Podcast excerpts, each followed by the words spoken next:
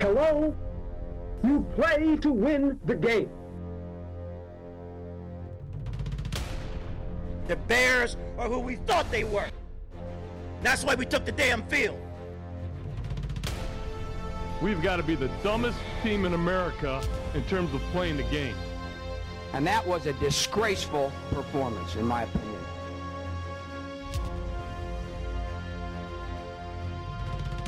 Playoffs? Don't talk about playoffs. You kidding me? Playoffs? I just hope we can win a game. Drage poslušalke, dragi poslušalci, lepo pozdravljeni. NFL podcast se vrača. Vsak teden vam bom rok grilec skupaj z gosti skušal kar najbolje približati dogajanje v najmočnejši ligi ameriškega nogometa na svetu. Napovedi, pregledi, power rankingi in še kaj. Se slišimo.